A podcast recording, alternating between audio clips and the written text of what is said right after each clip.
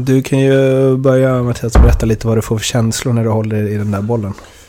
Mina känslor om eh, Chris och back här också.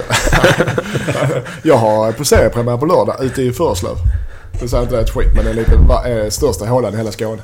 Så... Vilken stor fotbollsspelare kommer från Förslöv? Oh, det ska jag kunna!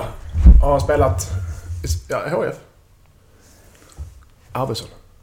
Bra. Mm. Stor fotbollsspelare. Ja, han var rätt bra det. Ja. Hela Bundesliga.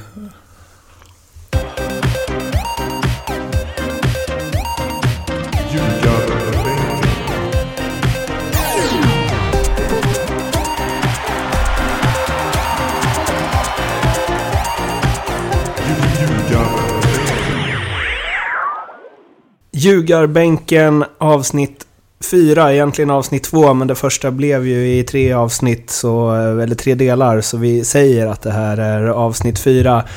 Uh, Nordic Bets podcast om allsvenskan är vi och vi är en uh, ganska förkyld uh, Mårten Bergman som vanligtvis uh, skriver lite på Fotboll Direkt och en icke förkyld Mattias Lindström. Mm. Mm. en avdankad fotbollsspelare. En avdankad fotbollsspelare. Och med tanke på att eh, du bara bytte sugrör och inte smoothie när vi precis drack smoothie så kanske det snart är en förkyld avdankad fotbollsspelare. Ja, jag bjuder på den. Jag bjuder på den. Och som eh, gäst idag, FC Köpenhamns eh, chefscout eh, Jesper Jansson. Eller vi oh. är ju gäster. Vi är gäster ja, hemma hos Vi är hemma hos dig. Hemma hos. Ja, hemma hos Jesper Jansson. Vad eh, gör du nu för tiden tänkte jag fråga, men det sa jag ju precis. Så jag kör på, hur ser en, eh, en eh, vanlig dag ut på jobbet? Eller så här, hur ser en ovanlig dag ut på jobbet? En ovanlig dag? Nej, men jag bor fortfarande kvar i Helsingborg. Så jag pendlar en timme med bil och färja. Och då har jag med mig ibland herr Lindström som resesällskap. Mm. Men eh, ja, vanligt, jag jobbar mycket hemifrån också. Sen är jag ute och reser ser mycket fotboll och eh, både via scoutingprogram och eh, live. Sen har jag, jag är Head of Scouting Department så jag har tre scouter under mig som, som eh, vi, ja, vi håller koll på marknaden helt enkelt liksom och, och ser var behoven finns. Eh, och eh, vad FCK ska rekrytera. När du scoutar hemifrån, då tänker jag direkt när man själv scoutar, så här, football manager och YouTube. Det är, uh, inte riktigt så va? Nej, det är inte riktigt så. Vi har, ett program som vi jobbar mycket med, Y-scout. Det är ett, ett program där du kan se all världens fotboll egentligen. Då. Uh, det är ju ett Förr, det är bara några år sedan där du sände Filmer runt om och bara några år innan dess så sände man VOS. Så utvecklingen går framåt och det är mycket teknisk scouting nu för tiden. Jag eh, framhåller väl att man måste se spelare live så mycket som möjligt eh, på ett helt annat sätt. Men det, är ett oerhört bra hjälpmedel och det går mycket fortare. Och du har koll på... Eh, det blir det blir inte videojuggar liksom. Nej. Du, du, har möjlighet att kolla upp spelarna väldigt ordentligt. Vad de gör på planen. Och vad de gör vid sidan av. Uh, Sånt där, finns det väl privatdetektiver Ja, det kommer säkert. Det, det, oh, det, man har hört stories om det där, eh, där de riktigt stora klubbarna de har i stort sett sänt ut spioner för att kolla hur de...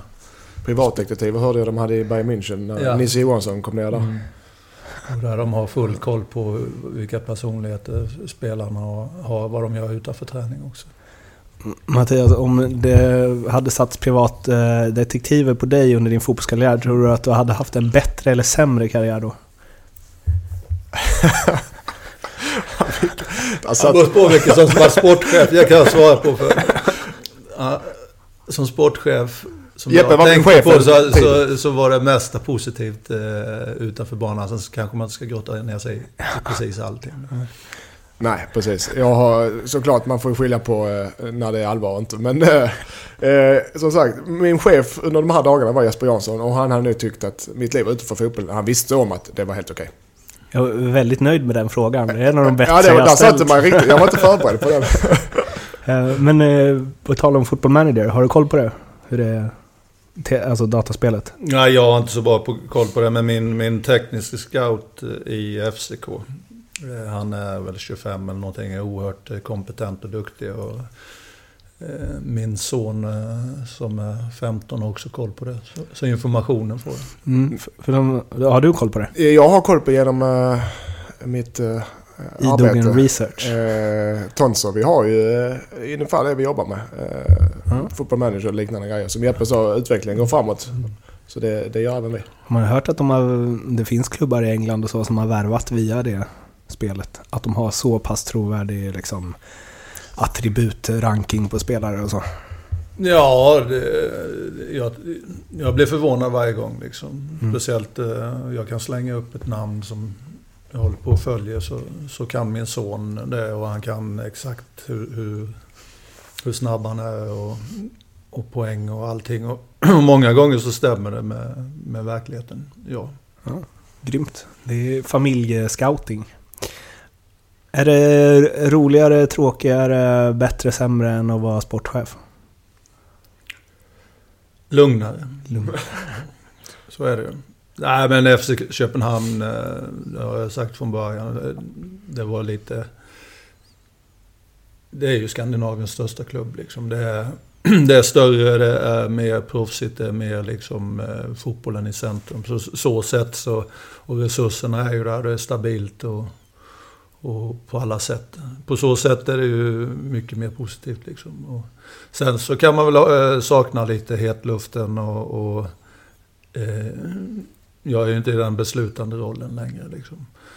Eh, och eh, när man är inkörd på det, att, att driva saker och sånt. Men eh, till största delen så är det bara positivt. Liksom. Och det, är en, det, är en, det, är, det är en stor klubb. Liksom. Det är en stor klubb och man vill vara med på de stora arenorna. Och det, och det är som precis när man var spelare, man vill väl komma så långt som möjligt. Jag tänkte att vi inleder med att eh, jag snabbt rabblar igenom eh, förra omgången, den första i Allsvenskan 2016. Marcus Rosenberg eh, med briljant framspelning, tveksam ramling. Eh, fixade han eh, 3-1 till eh, Malmö FF mot regerande mästarna IFK Norrköping. Eh, Jönköping Södra avgjorde eh, genom matchens enda mål av en utlånad Malmöspelare. Pavel Cibicki vann 1-0 borta mot Kalmar. Paulinho gjorde mål direkt efter fem minuter när Häcken besegrade Elfsborg med 2-1. AIK fick en eh, mardrömsstart på Allsvenskan via 1-1 på Friends mot Sundsvall.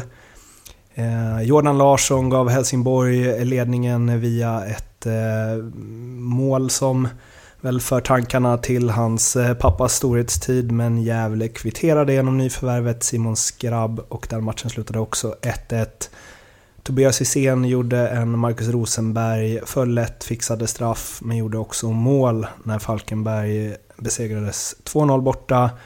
Djurgården vann 2-0 borta mot eh, Örebro, lite skrällvarning på den och eh, Östersund uppträdde som rena rama Barcelona på Tele2 och fick med sig 1-1 i sin första allsvenska match någonsin borta mot Hammarby. Vi har plockat ut ett gäng eh, rubriker kring detta. Och den första rubriken som jag har plockat ut är eh, gubbfilmarna. Det vill säga Marcus Rosenberg och Tobias Hysén. Och de hade ett ganska speciellt, eh, eller ganska olikt sätt att eh, tackla mm, huruvida de filmade eller inte när de intervjuades efter matchen.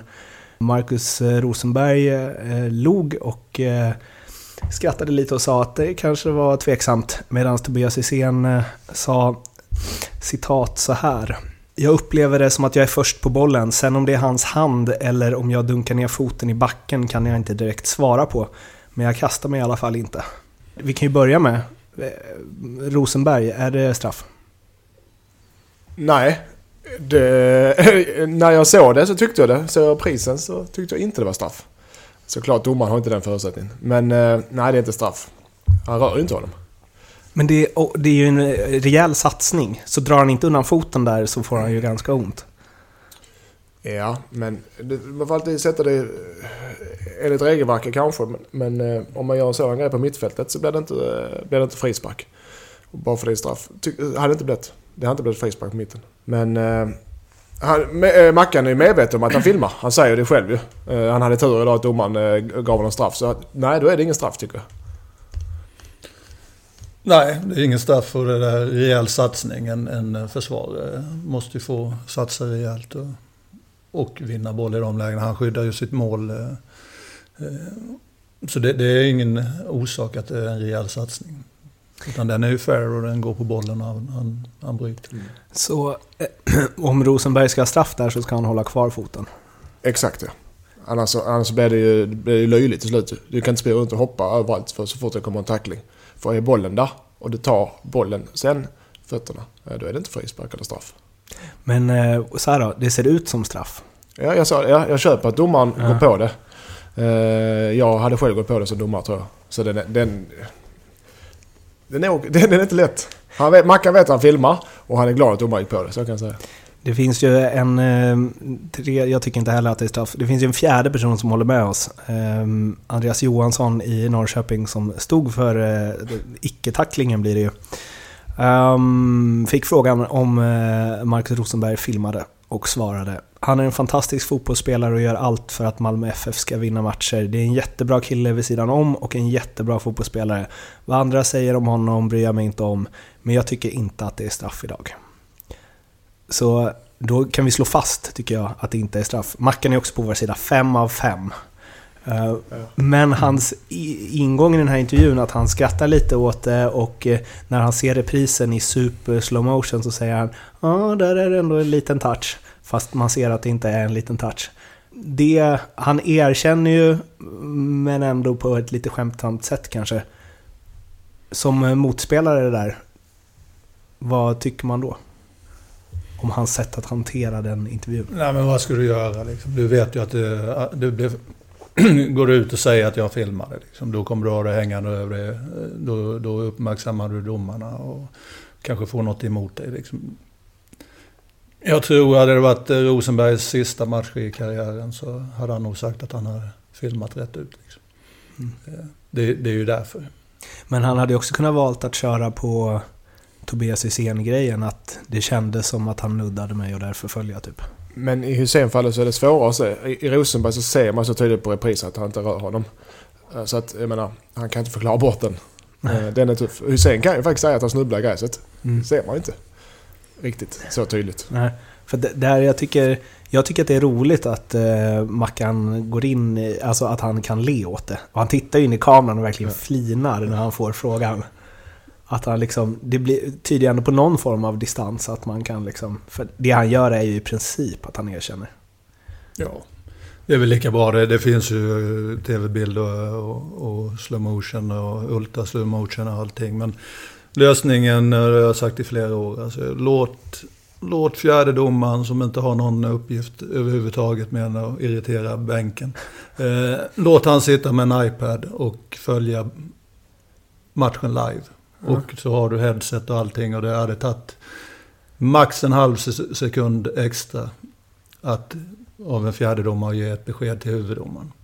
Jag, jag har sagt det i flera år, jag kan inte förstå att man inte använder tekniken fullt ut. Du behöver inte ha någon slow motion, du behöver, för det, den charmen ska vara kvar i fotbollen. Men att en fjärdedomare kan sitta och se matchen live Mm. och Ja. ge besked till huvuddomaren. Jag kan inte förstå att man inte inför det. Han får ju han får reprisen lika snabbt som alla andra där. Ja, han behöver inte ens ha, om man vill ha lite av fotbollens charm kvar så behöver han inte ens ha, ha reprisen. Han, han, att han bara får den livesänd. För då ser man från andra vinklar. Det, det är tv-kameror i alla vinklar. Och, och eh, jag tror det hade... Eh, det hade underlättat för domarna, det hade underlättat... eh, Det är viktigt, eh, vi kan tycka vi som håller på med fotboll, att det är världens viktigaste. Men det är faktiskt viktigt för eh, allt ifrån olika länder, olika klubbar, ekonomi, folk, supportrar. Ibland hela folkslag. Och vad stort det kändes. När du blandade in Ja. hela folkslag. Ja, vad, Alla vad, var det? Var det Henri där med Mm. Eh, när vår svenska vän var inblandad. Liksom, den hade man lätt sett på, på, på tv. Alla ser det liksom. Och Mm. det var massa sådana exempel. Eh, hade väl, och ska vi göra riktigt stort så har du spelare som, vad var det? Escobar, han blev skjuten. Va? Mm. liksom, det, det, det får ju stora konsekvenser för, för stora saker, även om det bara är en lek och, och i Mm. grund och botten. Men eh, om det hade funnits en iPad i fjärdedomarens hand känns det ju som att det hade rusat dit en och annan. Ja, jag är inte säker på det. Det, det, är snabb kommunikation. Du, du får en uppgift på fjärdedomaren. Mm. Liksom. Sen är det upp till huvuddomaren att ta beslutet. Mm. Precis som han har med sina, sina linjemän eller vad assisterande domare heter nu. Va? Men med, med, om, om fjärdedomaren skulle kunna se, se matchen live på en, en iPad så, så tycker jag det borde vara en väldigt enkel lösning. Liksom. Mm. Fjärdedomaren kan knappast bli mer utsatt än vad han är. För han, fjärdedomaren får stå och ta krig mellan båda bänkarna och ledarna i 90 minuter, det kan jag lova dig. Plus han skymmer sikten. Då han skymmer sikten i alla matcher. Eh, eh, De får ta mest av skit och de kan inte inverka på något. De kan inte inverka på någonting. Så de kan inte göra någonting. Så eh, de är egentligen överflödiga kan jag tycka. Men om, det, om de kan få en extra roll där så blir det perfekt. En assistans till, till huvuddomaren. Ytterligare en. och Man har hållit på med det här med mål, mållinjedomare och allting. Så det är väl samma princip då. Mm. Men då har du sluppit två domare där på kortlinjen. fall. Mm. Som skymmer sikten. Eh, Tobbe Hyséns då? Sparkar han i backen eller tar målvakten på hans fot? Eller eh, lägger han sig? Vi kan ju vara överens om att han gör i alla fall ett extra hopp efter att han sparkat i backen i sådana fall. Ja, hans, ja, det, det är väl en filmning, det, kan jag- det hade jag, skulle jag väl kunna säga. Men jag, jag, måste, jag hade kunnat göra detsamma själv faktiskt. Mm. Just en sån situation när det går så snabbt eh, och du slår bollen bredvid och, och springer förbi och hans, må- målvaktens hand är en centimeter hit och dit. Att man, man, man kanske lägger sig eh, av ren reflex. Jag tror inte det är han springer och planerar, nu ska jag filma. Utan det bara kommer av sig själv. Eh, för jag tycker det är en filmning också. Eh, men det, jag tror inte det är något han gör medvetet. Det tror jag inte. Gör han det riktigt bra där så, så, så låter han foten stanna på armen. Liksom, och Då har du inte den diskussionen. Liksom. Så det är, det är ju egentligen eh, att eh, Tobbe där borde vara lite bättre på att liksom låta foten Mm. fastna i armen. Bra på att filma målvakten. helt enkelt. Ja, så han, han gör ju en dålig filmning. Han, han, han skulle använt keeperns arm och sprungit in i den. Då hade vi inte haft snacket liksom. Mm. Och det, det gör ju... Nu har jag aldrig varit i den positionen liksom. Men, men kommer du där och petar förbi så se till att springa in i, i armen. Då är det ju såklart. Liksom. Ja. Inzaghi har nu gjort det hundra gånger i sin karriär och Mm. fått eh, straff. Magnus Eriksson gjorde ju en sån mot Salzburg i Champions League-kvalet. Ja, okej, när han ja. dundrade bollen ut över kortlinjen Ja. linjen för att han fattade att han inte skulle liksom kunna göra mål. Men målvakten kastade sig på honom. Ja, och det är klumpigt av målvakten jag tycka. Men är det rätt av Tobbe att stå efteråt och resonera lite kring det där? Jag vet inte om jag sparkar i backen eller bla bla, eller ska han bara säga målvakten var på mig. Det var straff. Ja, men det kan nog vara som Lindström säger. Någonstans så är det en reflex. Det, det är inte alls säkert att, han, att man uppfattar varenda situation heller. Liksom. Mm. Om, eh, och är medveten om... man tror att armen ska komma där liksom. Och då lägger han sig. Så, så om, om det är en touch eller inte, det är inte alls säkert att man uppfattar som spelare. Det, det tror jag inte. Men eh, med det sagt har han sett eh, tv-bilderna då kan han lika väl säga det. Liksom. Mm. Jag, jag, jag såg att han inte var på mig men jag uppfattade inte det där och då. Jag tycker båda, både eh, Mackan och, och Tobbe, deras svar, de är så pass rutinerade. De vet, de kan inte säga rakt ut att de filmar för då blir det rabalder. Så de, jag tycker deras svar är helt okej. De säger varken bu eller bä. De lindar in, ja det kanske domaren var snälla och, eller gjorde ett misstag och han kanske var på mig. De, de, de säger inte rakt ut men båda två är medvetna om att det inte är straff. De, kan- de kan ju knappast säga så här, så här gör jag nio gånger tio. Nej, nej, liksom. Men då, situationen efter då med Rosenberg, Norrköping, eh, det finns ju de som påstår att de borde haft en straff också. Eh, Och den så kommenterar han ju också att han gick in kanske lite väl hårt med bröstet. jag har inte sett situationen. Ja, ja, jag tycker det är straff. Ja. Han går, det är straff. Han tacklar han i ryggen. eh, Med armbåge. Men ja, ja, det är inte så mycket att säga. Och där ska också vara straff. Nu hade han tur. Malmö hade tur. Ja.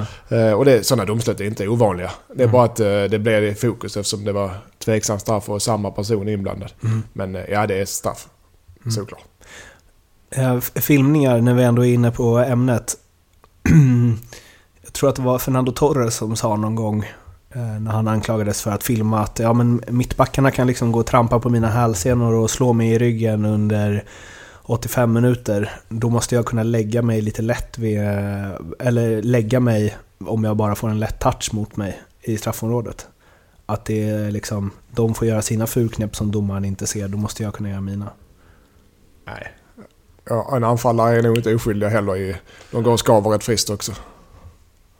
Är det en del av spelet? Ja, någonstans är det väl det. Om man... Vad ska jag säga? Jag tror det folk i allmänhet retar sig mest på det är när folk slänger sig ner och lägger sig ner och, och, och ligger kvar och det blir avbrott och allting. Liksom. Jag tycker ju på något sätt så... Eh, det var lite tuffare förr liksom.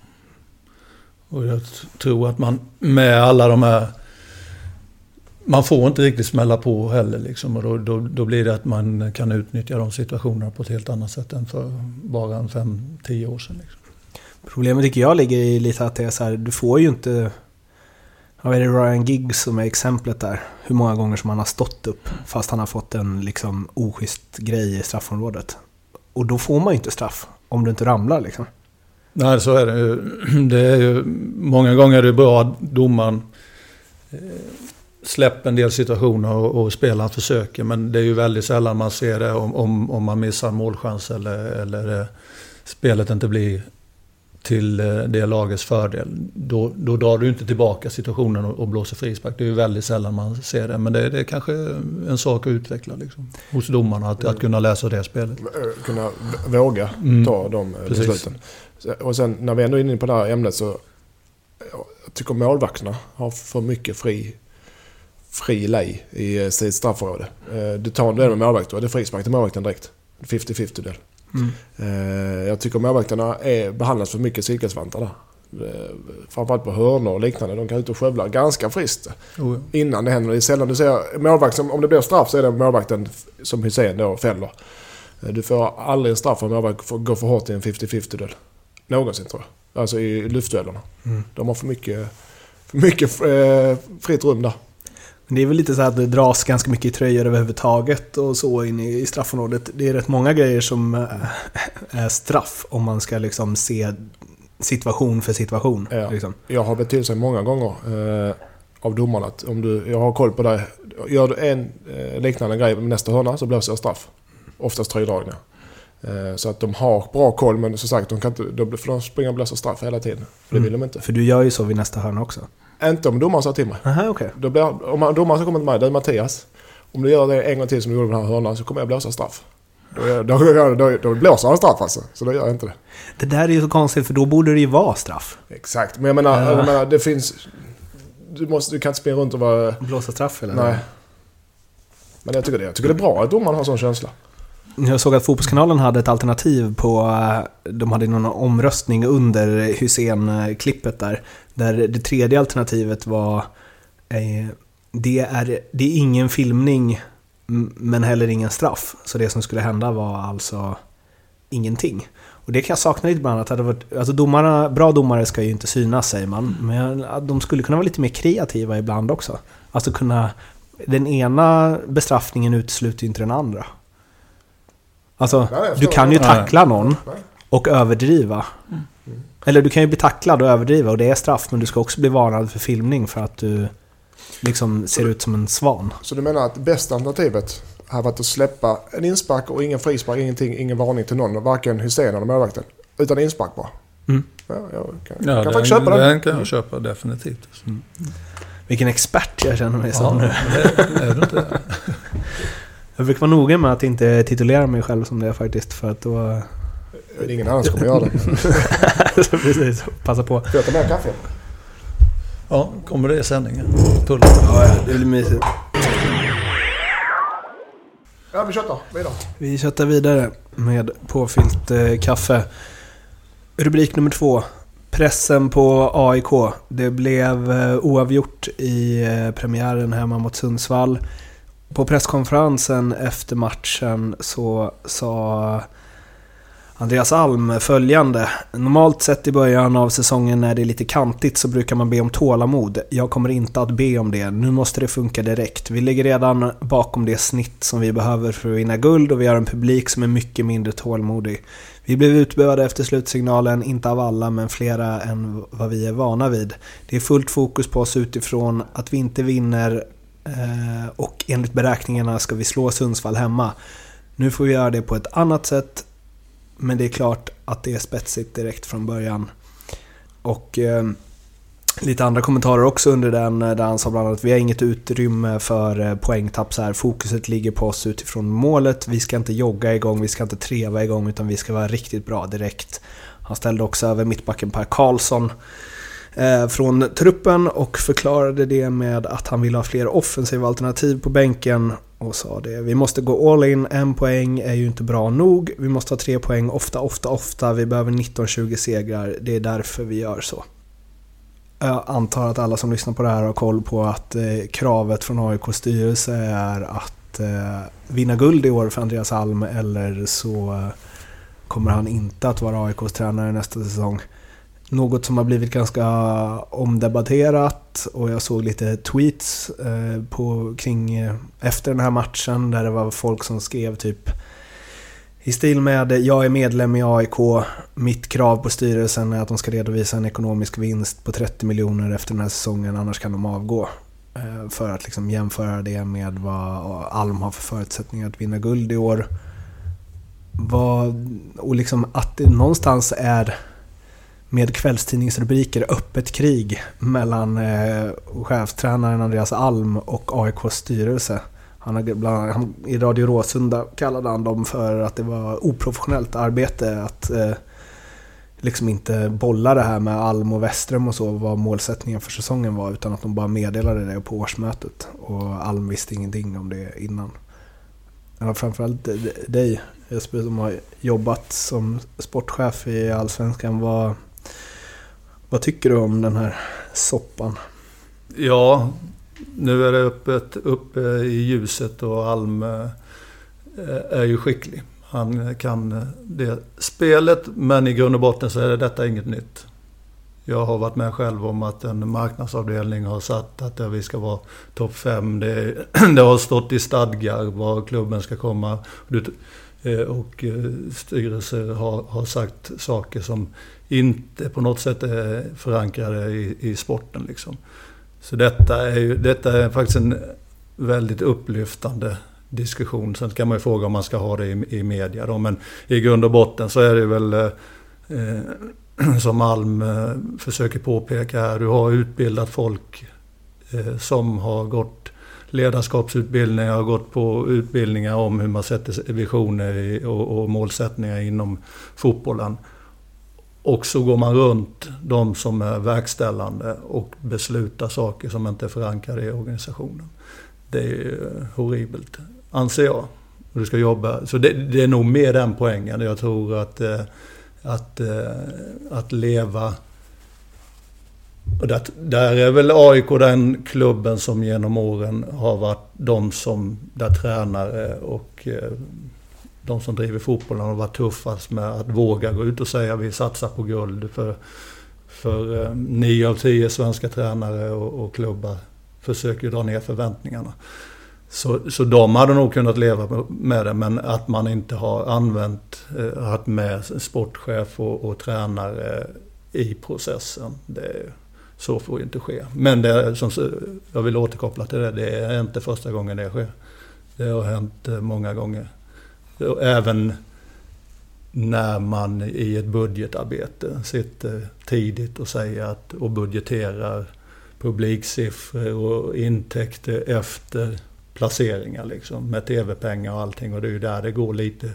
Det måste ju hänga ihop liksom. Mm. Så eh, uppfriskande diskussion och gnabb men inget ovanligt. Så det som är ovanligt här det är ju att det, det, man, man utnyttjar media och, och eh, sen kan jag ju undra vad, vad Alm står här rätt själv och tar den diskussionen. Eh, Westström, vad har han att säga i det här? Har eh, klubbdirektör. Det, det blir en mot styrelse mot en tränare. Liksom. En eh, tränare mot en styrelse. Det, det, finns, det är inte en som styr en klubb liksom. Utan det är ju ofta eh, det ska ju vara en, en samsyn och ett gemensamt arbete. Och jag tror det, det, det, det grundar sig i den här diskussionen och, och, och knabbet. Alm eh, sa också i den intervjun med podcasten Radio Råsunda att det hade varit en sak om styrelsen hade haft den här diskussionen med oss som är sportsligt ansvariga och som du är inne på här, att som är liksom utbildade för att sätta mål och, och så vidare. Ehm, och sen ändå valt att säga att det är guld eller sparken. Men när de bara säger det till alla medlemmar innan jag får reda på det, så att det är oprofessionellt. Vad tror ni styrelsen vill säga med att göra på det sättet? Nej, men det har ju varit hel, hela tiden. Jag, jag, tror man tittar, då, då tittar du säkert krasst i att vi lägger så här mycket på sporten. Det är så här många miljoner. Vi är den största klubben och, och eh, någonstans så kanske det är så att ja, sporten har fått de här pengarna. Nu eh, ska de pengarna omsättas i guld och det kravet har vi som får, eller medlemsvalda Eh, i styrelsen. Det, det, är ju medlemmarna kan ju bara välja styrelsen. De väljer ju inte tränaren eller, eller sportchefen eller klubbdirektören. De väljer styrelsen. Så, så ofta så sitter ju en styrelse och vill säga det medlemmarna, supportarna vill höra. För då sitter de ju där lugnt och säkert och, och, och, och skyddar sig själva. Och det, det, är ju liksom, det är ju grunden i, i svensk fotboll. Liksom. Kan du säga vad, vad det är medlemmarna som, som äger klubbarna. Liksom. Som spelare då? Hur... Eh, alltså att ens tränare har en öppen beef i media med klubbens styrelse. Eh, man säger ju, spelare säger ju alltid att vi har inte fokus på det och det kan inte vi påverka och vi eh, engagerar oss i träningar och matcher och så. Och det vet man ju att det inte stämmer för alltid i efterhand så får man ju höra att det visst stör det och så. Så eh, hur är det? Jag har haft många tränare vars, som inte dragit jämnt med styrelsen. Det är som Jesper säger, det är inget ovanligt. Det händer i vardag, till vardag i klubbarna. Men eh, att det kommer upp i media eh, händer sällan. Så jag tror, alltså, för, för spelarna är det ingen ny sits att hantera det här. Eh, det, det, som är, kommer att störa dem är väl mest eh, eh att det tar fokus från deras fotbollsprestation. Att eh, inför matcherna kommer det komma frågor om den här situationen istället för eh, hur ser matchen ut imorgon? Eller vad tänker du på för morgondagen? Så det är väl det fokuset som flyttas. Annars så, annars så spelarna vet vad som gäller.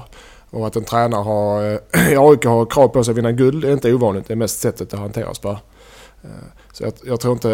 Eh, spelarna kommer inte reagera annorlunda på planen. Men det som tar fokus är att de kommer att bli, lägga energi på att hantera media på det här. De kommer antagligen om man inte redan fått det, få några sorts restriktioner. Mm. Och vad de ska säga, får säga. Men å andra sidan så har det också varit, eh, eller det de har sagt tidigare, då är det liksom Western som har förklarat att eh, topp tre är målet och så, vi ska gå till Europa varje år. Um, men nu säger ju Almo själv också att han så ställde över Per Karlsson för att ha fler offensiva alternativ på bänken för att det går inte att kryssa hemma mot Sundsvall om man ska vinna guld. Då måste man vinna den. Alltså det påverkar ju spelartruppen. Alltså på ett sånt sätt. Ja, eh, nu vet jag inte om han... Ja, det låter ju konstigt, men jag menar om han ställer ut över en spelare eh, om, som han tycker är tillräckligt bra för att spela om han ska vinna matchen. Så han tycker inte såklart inte att Per Karlsson är tillräckligt bra för att spela. För då hade han spelat.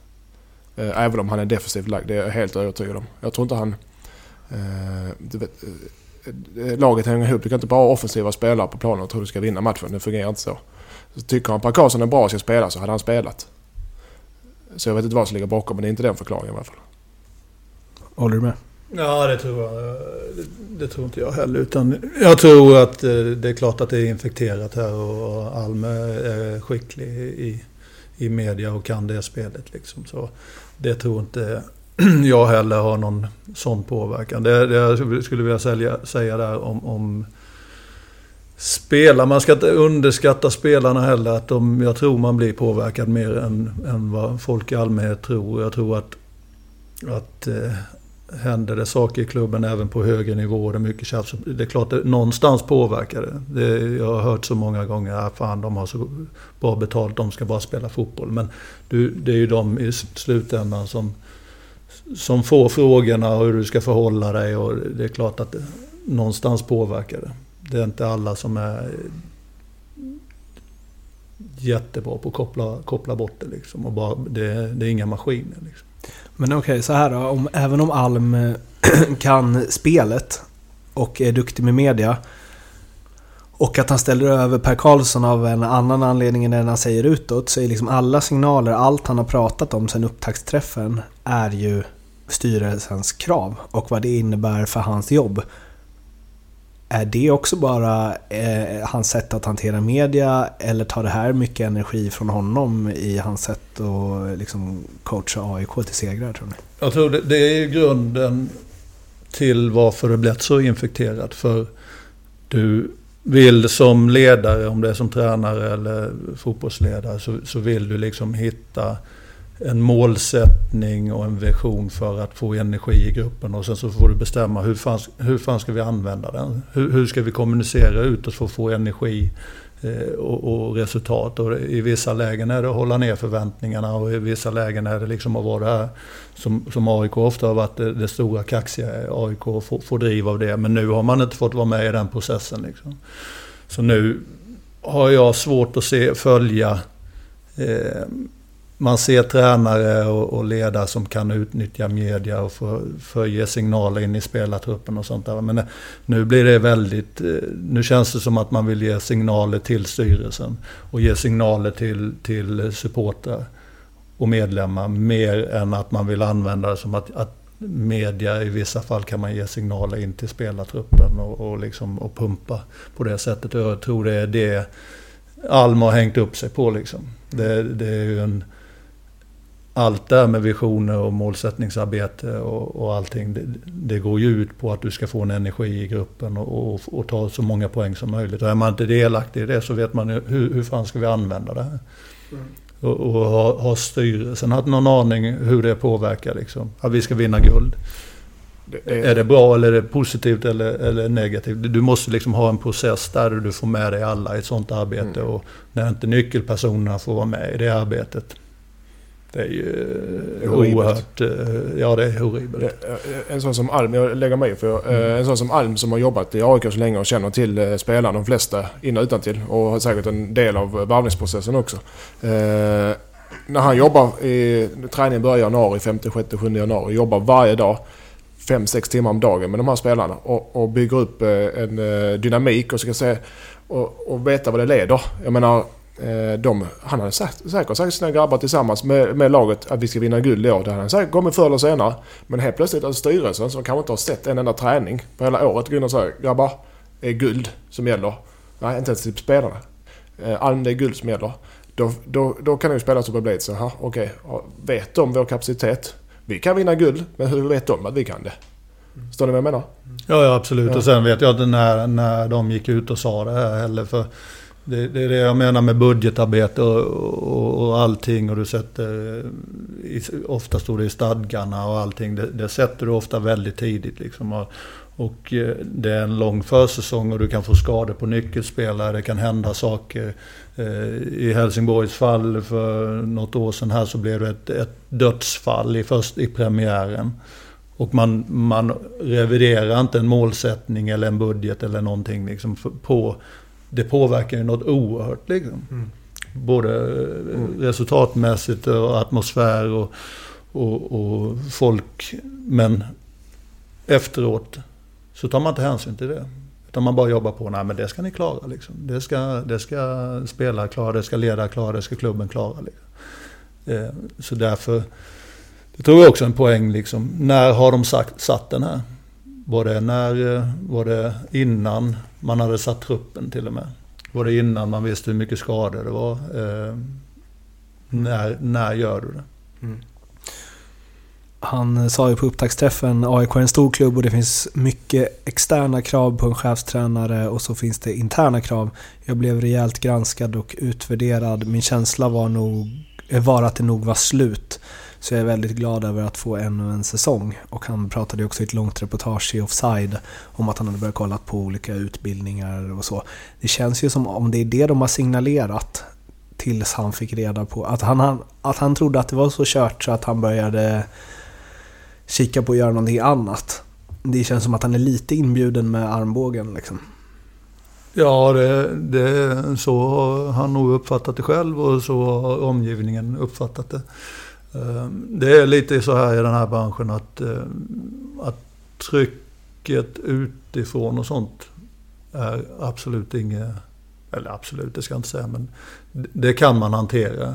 Men när det, kommer, när det börjar bli splittringar internt och ifrågasättande och sånt. Det är det som är det jobbiga. Står man samman som grupp och i en klubb, då, då hanterar du mycket eh, runt omkring. Men eh, när det börjar internt så här när man inte känner förtroende och, och, och allting, det är då, då, då det börjar tär, tär på en. Liksom. Och jag har alltid sagt att fotboll är en lagsport. Och då menar jag inte bara att det är laget på planen och sånt, utan det, är ju, det, är ju, det ska ju vara alla som, som eh, jobbar och mm. är i, i eh, organisationen. Allt från styrelsen ner till, till spelare. Om eh, Alm inte skulle greja det här och få eh, kicken, tror ni att kravet på nästa tränare är guld eller sparken? Det beror på, inte, inte direkt nej. Om, om vi säger Alm får sparken eh, till sommaren för att de ligger femma. Så eh, tränaren tar över kommer inte ha samma krav detta år. Antagligen nästa år. Men jag tror inte på samma sätt. Jag hoppas att de lär sig läxan i styrelsen att man går inte ut och, eh, och gör på det sättet för någons bästa. Framförallt inte för AIKs bästa. Så att, eh, säkert kommer det finnas krav för AIK att träna och vinna guld varje år, för det så är det. Men inte, inte på det sättet. Då spetsar vi till frågan ytterligare då. Det har ju snackats en del eh, Norling, eh, Stare, Baxter och så vidare. Är det här ett sätt för att eh, göra sig av med Alm? Det har nog funnits tankar att göra sig av med Alm. Men eh, det som varit grejen, han har ju uppnått målsättningarna som man har satt varje år. Mm. Det har ju varit eh, Europaplacering, och sälja spelare eh, för ett visst antal miljoner. Och det har uppnåtts varje år och ibland har det varit med ett nödrop men, men då har man ju suttit, ska du sparka en tränare som har uppnått målsättningarna. Så nu sätter vi en målsättning som blir väldigt svår att uppnå? Ja, och då blir det återigen att man vill skydda sig själv kanske in mot, mot eller i vart fall få handlingsmöjligheten. Mm. Så det blir ju jag tolkar det ju som att eh, det är folk som har velat bli av med honom tidigare men inte kunnat gjort det för att han har uppnått de målen som de har uttalat utåt. Och därför så sätter de ett mål där bara liksom... Det hade sett sjukt ut om de hade sparkat honom om han vinner guld. Och det är liksom det enda som gäller då. För att det finns krafter i AIKs ledning som inte vill ha honom kvar. Ja, men eh, någonting... Eh, man vill ha... Man vill i vart fall ha en öppning mm. till att göra det. Eh, faktiskt. Och, eh, It's a strange business. Ja, det är det. ja, ja, jag, tror, jag tror han har gjort ett jättebra jobb där. Ja. Eh, jag tror de, de flesta klubbar vill, eh, att vinna allsvenskan är väl inte lika viktigt som att gå ut i Europa. Så det, är så de får tänka AIK, tycker jag. Mm. Nu har de höjt den ett snäpp, ja. Vilken eh, säck ihopknytning. It's a strange business. det är nästan som man borde byta namn på podden till det. uh, rubrik nummer tre. Nykomlingarna med lite extra fokus på Östersund. Men vi börjar ändå med J Södra. De vann borta mot eh, Kalmar. Och eh, hur mycket man ska lita på statistik är upp till var och en, men så länge Allsvenskan varit en 16-lagsserie sedan 08 eh, så har inget lag som vann, vunnit seriepremiären åkt ur serien. Vadå? Så nu plitar vi upp J Södra, Allsvenskan 2017. Ja. Man ska säga, det är ju lite, det, jag, lite för, jag läste någonting om det där att det är faktiskt inte så mycket nykomlingar som har, vad var det, två av elva eller någonting de, som har åkt ur va? Ja, okay. De senaste? Ja, det, det måste Ja. väl bli... Lagom, lagom många år. Ja. Eh, lite förvånande kan jag tycka. Och det kan man ju fråga sig om det, om det beror på kvaliteten eh, eller att eh, de är bättre förberedda. Eh, de brukar spla- spratta i, i början. Mm. Men eh, eh, det är förvånande det du säger. Att de, för jag, jag har ju en uppfattning om att, att nykomlingarna brukar vinna i början. Och Mm. sen går det lite tyngre. Då. Men att Jönköping slår Kalmar borta utan att släppa in mål. Ja, den är väldigt förvånande. Absolut. Jag har följt Kalmar en del under försäsongen och eh, eh, trodde att eh, de var på väg uppåt. Eller, Ja, jag håller också Kalmar högt, ja. Eh, Starkt gjort av Jönköping. Den, den trodde jag, det, det är väl den största skrällen i, i första omgången. Mm. Jag vet inte riktigt mer vad vi ska prata om där så vi hoppar vidare till Östersund. Där eh, de spelade 1-1 borta mot eh, Hammarby på eh, 1-2 som hade publikrekord. 31 700 någonting. Bästa publiksiffran Bayern haft. Och då passade det förstås bra med bara en poäng i sann Hammarby-anda. Robert Laul skrev följande i Sportbladet efter eh, den matchen. Klapp, klapp, smack, smack så hade Alex Dyer och Saman Ghoddos kvitterat. Och en sak är säker, den passningskombinationen finns inte ens på skissstadiet i Nanne Bergstrands omtalade perm. Jag har, vågar jag påstå utan att tveka, aldrig sett något liknande från en allsvensk nykomling. Jag talar inte bara om passningsspelet, lika imponerande var de Eh, effektiva och snabba bolltransporterna i rätt lägen och de smarta löpningarna från centrala mittfältare till fri yta framför Bayerns backlinje. Just Hammarby har genom Nann Bergstrand upprepat som ett mantra att de ska utveckla svensk fotboll, men jag överdriver inte om jag säger att Bayern på den punkten är ljusår efter Östersund utifrån dagens match. Sen tror jag det var Andreas Sundberg för Fotbollskanalen som skrev att eh, jag har aldrig sett ett allsvenskt lag få jaga så mycket boll, speciellt inte på hemmaplan, som Hammarby fick i den första halvleken. Det var en imponerande uppvisning. Det kändes som om det var kvadraten inne på Tele2 och Hammarby jagade. Citat. Kul att, man får, kom, kul att man får vara med om något nytt, sa Nanne Bergstrand om att han aldrig som tränare för Hammarby varit med om att bli så utspelad som de var i första halvlek. Eh, jag såg, inte, jag såg glimtvis, kanske såg 20 minuter totalt. Mm. Men liksom Norrlands Barcelona. Ja. Men eh, jag, jag, alltså, jag tycker det är jättekul för det första att det är ett lag. För vi måste göra några grejer klart. Men, men här Vi måste, har ja, men jag blir eh, exalterad. Vi måste göra några grejer klart. Hammarby är inget bra lag. Nej. Kommer tillhöra antagligen ner Och Allsvenskan. Om, ni- om, ni, eh, om ni vill höra mer om det så kan ni lyssna på förra avsnittet när Lindström och Edman går igenom Hammarby. Eh, Östersund är, oh, kommer tillhöra botten, det är jag helt övertygad om. Eh, att de spelar så bra som alla säger, men inte vinner matchen är är ju sig en, en eh, prestation i sig. Eh, jag, tycker om, eh, jag tycker om att de vågar. Men de måste, om de spelar på sin topp och Hammarby inte så måste de vinna. De måste ta sina poäng. Som Jeppe säger, de kommer behöva ta sina poäng här i början för att stanna kvar i Allsvenskan. Gör de inte det så blir det tufft för dem. Så jag förstår inte all den här... Jag förstår... Eh, jag tycker det är kul att, det blir, att de blir, får, får ära och cred för sitt spel.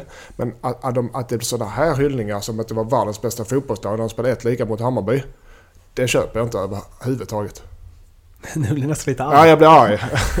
Men du är inte förespråkare av vacker fotboll. Nej, så jag förespråkar att man vinner matcherna och det gjorde Ja. de inte. Framförallt mot Hammarby som inte kommer att vinna många matcher. Vi pratade ju om din eh, första match för eh, Ödåkra, mm, division 4 mot ett division 5-lag eh, innan vi satte igång inspelningen här.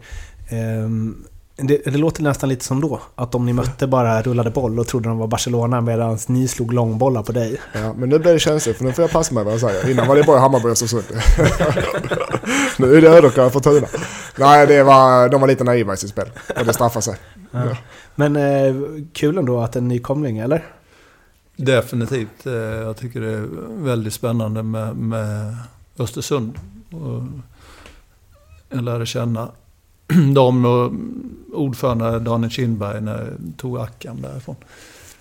De har lite uppfriskande tankar. Daniel Kindberg och sen Graham Potter tycker jag gör ett fantastiskt jobb och de har fått jobba på och ha, ha lite...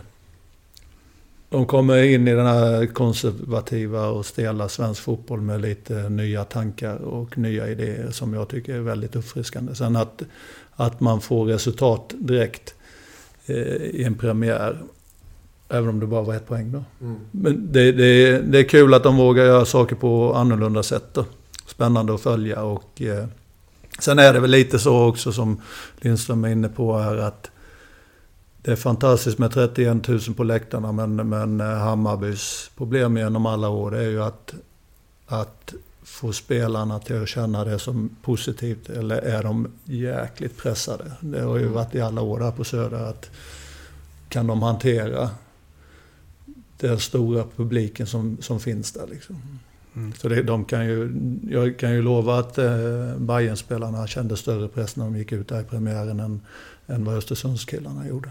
Men eh, det ska bli oerhört spännande. Jag, jag riktigt positiv till, till, eh, till Östersunds sätt att eh, approacha eh, svensk elitfotboll. På alla ja, plan. Jag måste revidera mitt eh, för detta statement. Det, här, det du säger från och med nu kommer jag kliva bort. det är mesta, ja du, journalisternas superlativer. Det är det, att de vänder kappan efter vinden. Det är det jag, jag kan bli lite irriterad på. Att det är efter en match världens... Det var det bästa de har sett någonsin, eller hur? Av en nykomling. Av en nykomling. Och det var... Jag menar... Men Nanne Bergstrand säger också det. Vi har aldrig blivit så här utspelade under min tid som Hammarby-tränare. Nej. jo, det har de. Men eh, det är det jag kan... Eh, det är deras jobb. Men om två veckor så kan det mycket väl stå motsatt text. När de åker till Jönköping och får 3-0 i Östersund för de försöker spela för mycket fotboll. Om jag ska försvara mitt eh, skrå, heter det ja. så? så eh, är ju uppgiften att sälja Allsvenskan också. Ja. Och jag blir ju otroligt taggad på att se Östersund ta emot AIK i nästa match. Man tänker ju att det blir åka av där för ett mm. AIK som inte har råd att förlora borta mot en nykomling. Eller? Absolut. Ja, men jag tycker det är som sagt uppfriskande och spännande. Sen, så, sen är det nog så också att man... Eh, har man följt Östersund lite så har man vetat om att de har spelat en väldigt bra fotboll och eh, eh har någonting bra på gång. Det är lite som som vi är inne på, det blir så jäkla lätt att säga att oh, det är fantastiskt att Falkenberg överlever. Liksom. Mm. Att de klarar sig igen och igen och igen. Och så, så går du igenom truppen och så tittar du liksom, ja, men där finns spelare som har gjort 60, 70, 80, 90 superettan-matcher. I flera år sedan så har du andra lag där, där du, du spelar med 18-19-åringar, men då heter det Helsingborgs IF eller så heter det AIK. Jag menar, de har en erfarenhet och en stabilitet och, de, och, och, kan hantera sådana situationer. Sen har du andra lag som, som spelar med väldigt unga spelare. Men bara för att klubbmärket är det ena eller det andra så, så förväntar man sig att ett lag ska åka ur eller vara i toppen. Mm. Här tänkte jag försöka leda in oss på någon form av konstgräsdebatt. Men eftersom jag vet vad ni tycker om konstgräs så tänker jag att vi tar den eh, Eh, och barn ska hämtas på dagis och så, så vi tar det, det snacket någon annan gång. Aj. Men vi bjuder in dig igen någon gång Jeppe och snackar om det. Mm. Istället så hoppar vi raskt vidare till eh, Får se om det blir någon schysst jingel här, men Lindströms nedslag.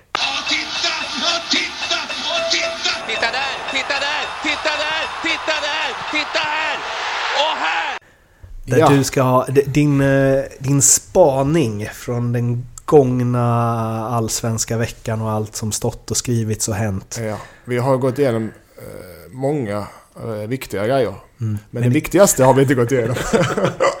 och det är att Kristoffer Andersson, 38, mm. blivande 38-åring, ska göra comeback i allsvenskan. Mm. Efter ett halvår i HIs veteranlag bestående av flest, många 60-åringar.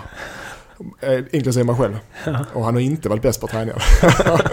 Nej, jag tycker det. Jag läste det, eh, eller jag fick höra det häromdagen att, eh, att han har blivit registrerad. Och, och om jag ska vara ärlig, kan gå rakt in för start på torsdag. Det vore ju något utav det jävligaste som har skådats i Allsvenskan genom tiderna. Vi, vi, avslutade ju, vi avslutade ju förra podden med att, eh, eller jag frågade så här om HF ringer till dig och Ja. behöver hjälp. Och då sa du, då ringer de nog eh, Edman först. Ja. Men nu ringde de med Krisse alltså. Ja. Jag har registrerat mig för Ödåkra så jag är ute och leker. Ja, jag tror inte han har ringt mig ändå. Men eh, han går före dig ändå alltså? Ja, det är högerback. Ja, jag aldrig, här- jag, så här är ordagrant från Henke. Jag citerar.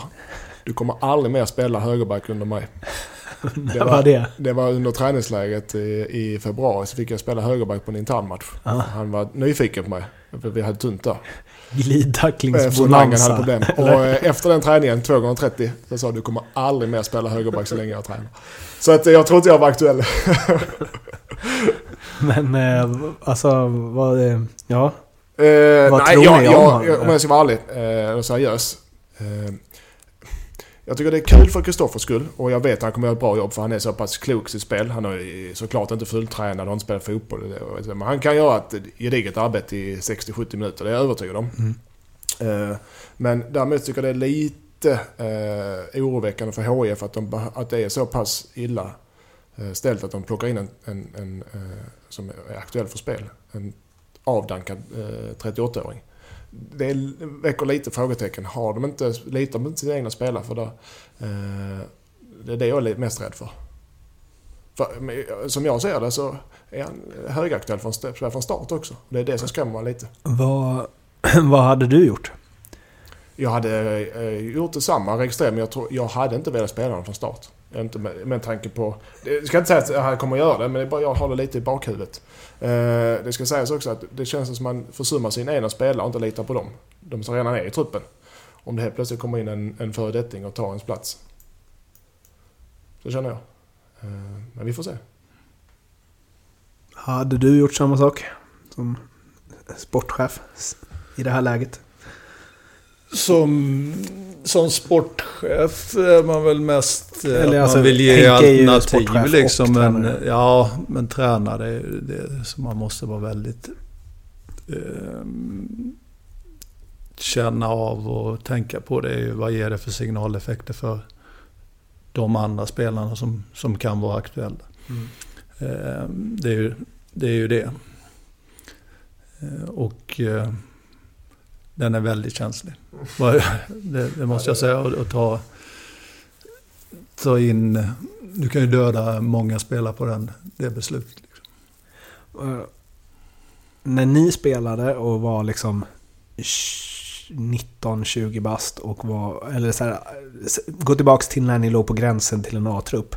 Om de då hade plockat, den tränaren då hade bara nej, vi plockar in den här snubben som inte lirat på ett halvår, som är 38 och inte ens är bäst i veteranlaget Det jag uppenbarligen. Ja. Eh, på er position istället för att spela er och dessutom starta med eh, Nej, nästa det, det, match. det, Hur hade det, ni Det var tagit jag som har Ja, den... men om det blir Ja. så. Nej, som sagt, det som Jeppe säger, den eh, som ung spelare eh, och som konkurrerar på den positionen så hade man eh, fått en ordentlig smäll. Då är frågan, eh, har man psyke att klara av det? Eller vill man... Jag hade reagerat direkt, okej, jag måste byta klubb för här kommer jag aldrig spela vad som än händer. Det är väl den, de signaler, och det är faktiskt riktiga signaler i så fall, som sänder ut. Kan det vara ett underbetyg då till Helsingborgs ungdomsverksamhet? Till exempel. Att det inte finns någon som man kan plocka upp. Som redan finns i organisationen liksom.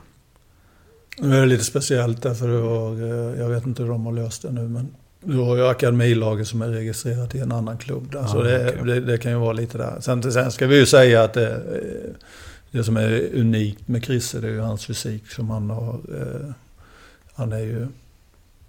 Det har han varit unik på och levt på hela, hela sitt liv. Så du, du, du slänger ju inte in vilken 38-åring Nej. som helst eh, i det. För han, han är ju en, en sån spelare som kanske har levt på, på att hålla sig i fysisk trim och sånt. Mm. Eh, men eh, vad var frågan tänkte jag på? Om, Ungdomsavdelningen. Mm. Så jag vet att eh, nu är det på en position. Det, det är klart att det kan man tycka speciellt. Vi snackar om att det är andra omgången i allsvenskan. Och jag kan väl köpa om man kanske i slutet och du harvar runt något nedflyttningsstreck eller till och med uppåt. Då. Att det är en, väldigt paniksituation. Mm. Men nu är vi i andra omgången och eh, någonstans ska man tänka långsiktigt också. Då. Mm. På tal om hans fysik. Um, du Mattias och han, om det hade funnits så skills competition i Allsvenskan mm. och uh, idioten, eller så här, vad heter det? Beep-test ja. var en gren. Mm. Då hade ni ändå byggt er ett namn på det va? Ni ja, två. det har vi. Vi har byggt oss ett namn. ja, nej, där har vi alltid varit bra. Och Chris har alltid varit strået vassa ska sägas. Mm. Fast uh, du blir också bortdömd. Eller? Ja, då var jag som bäst tränad. Det var det mm. året jag gjorde min, mitt succéår på äldre dag. Uh, men uh, som Jeppe säger, hade jag och Chris sprungit nu mm. så hade han vunnit ganska enkelt tror jag. Mm. För han håller sig, hans kropp är inte som oss andra. Och det är också, jag tänker att eh, precis som att journalister eh, skriver upp Östersund så gör Henke Larsson det här för att liksom, mm, det blir lite extra glöd i Allsvenskan nu när Christer ska in, om han nu kommer lira. Det, det vill man ju också se. Hur, hur han sköter sig liksom. Ja, jag är övertygad om att Christer kommer göra det helt okej. Okay. Mm. Det tror jag. Men det, var inte, det är inte det jag trycker på. Jag tycker det är skitroligt för honom. Jag tycker, jag tycker det är kul. Jag kan mycket väl gå och tänka mig att kolla på matchen på torsdag bara för att Christer spelar. Om mm. han spelar. Men jag tycker det är ett svaghets... Äh, inget bra tecken för HF. Ja. Ingen bra signal att sända ut. Det var, var det Roland Nilsson som pratade så länge om att han så här... Jag hade lätt kunnat gå in på högerbacken i MFF i en halvlek utan att göra bort mig överhuvudtaget. Ja, men jag tror, jag tror det, Rolle kan jag tänka mig. Han, var, han är nästan nu, för han ser ut som en Dolph Lundgren fortfarande. Ja. Men eh, det är ju... det är ju, har ju med fysiken och det, det, tror jag nog många skulle kunna göra. Liksom. Mm. Faktiskt. Men det, det, är ju mer helheten man måste tänka på. Liksom. Och sen, så, sen jag, som sagt, jag har ingen koll alls på, på på truppen och hur det ser ut. Det är en lite speciell situation i HF just med det här med akademilaget och, och eh, två klubbar och sånt. Och hur, hur skadebilden ser ut och form och allting. Men eh, det är ju det som är det känsliga. Sen finns det nog fler spelare som, som efter lite träning skulle kunna gå in i en, i en, i en allsvenska. Mm. Ja, vi får väl se, de kanske ringer. Jag är om, registrerad Söderkan så det är inte möjligt. Uh, här hade jag ju också tänkt att vi skulle ha liksom dagens gäst och scout special och hej och hå, men uh, nu när vi redan har liksom halvt lite så här AIK-styrelse bjudit in dig till, ett, uh, till att återkomma som gäst i den här podden så sparar vi både det och konstgräsdiskussionen till den gången. Istället så eh, ska ni som vill tjäna pengar lyssna noga nu. Och här kör vi ju den här... Hörde du den? Gingen till eh, dina tips. Nej. Nej, du får Nej. lyssna på den sen. Rikt, riktigt bra. Det är den här skunken i Space Jam som pratar engelska med fransk eh, brytning och säger Hello! A little surprise for you my friends. god dag, god dag. Lindströms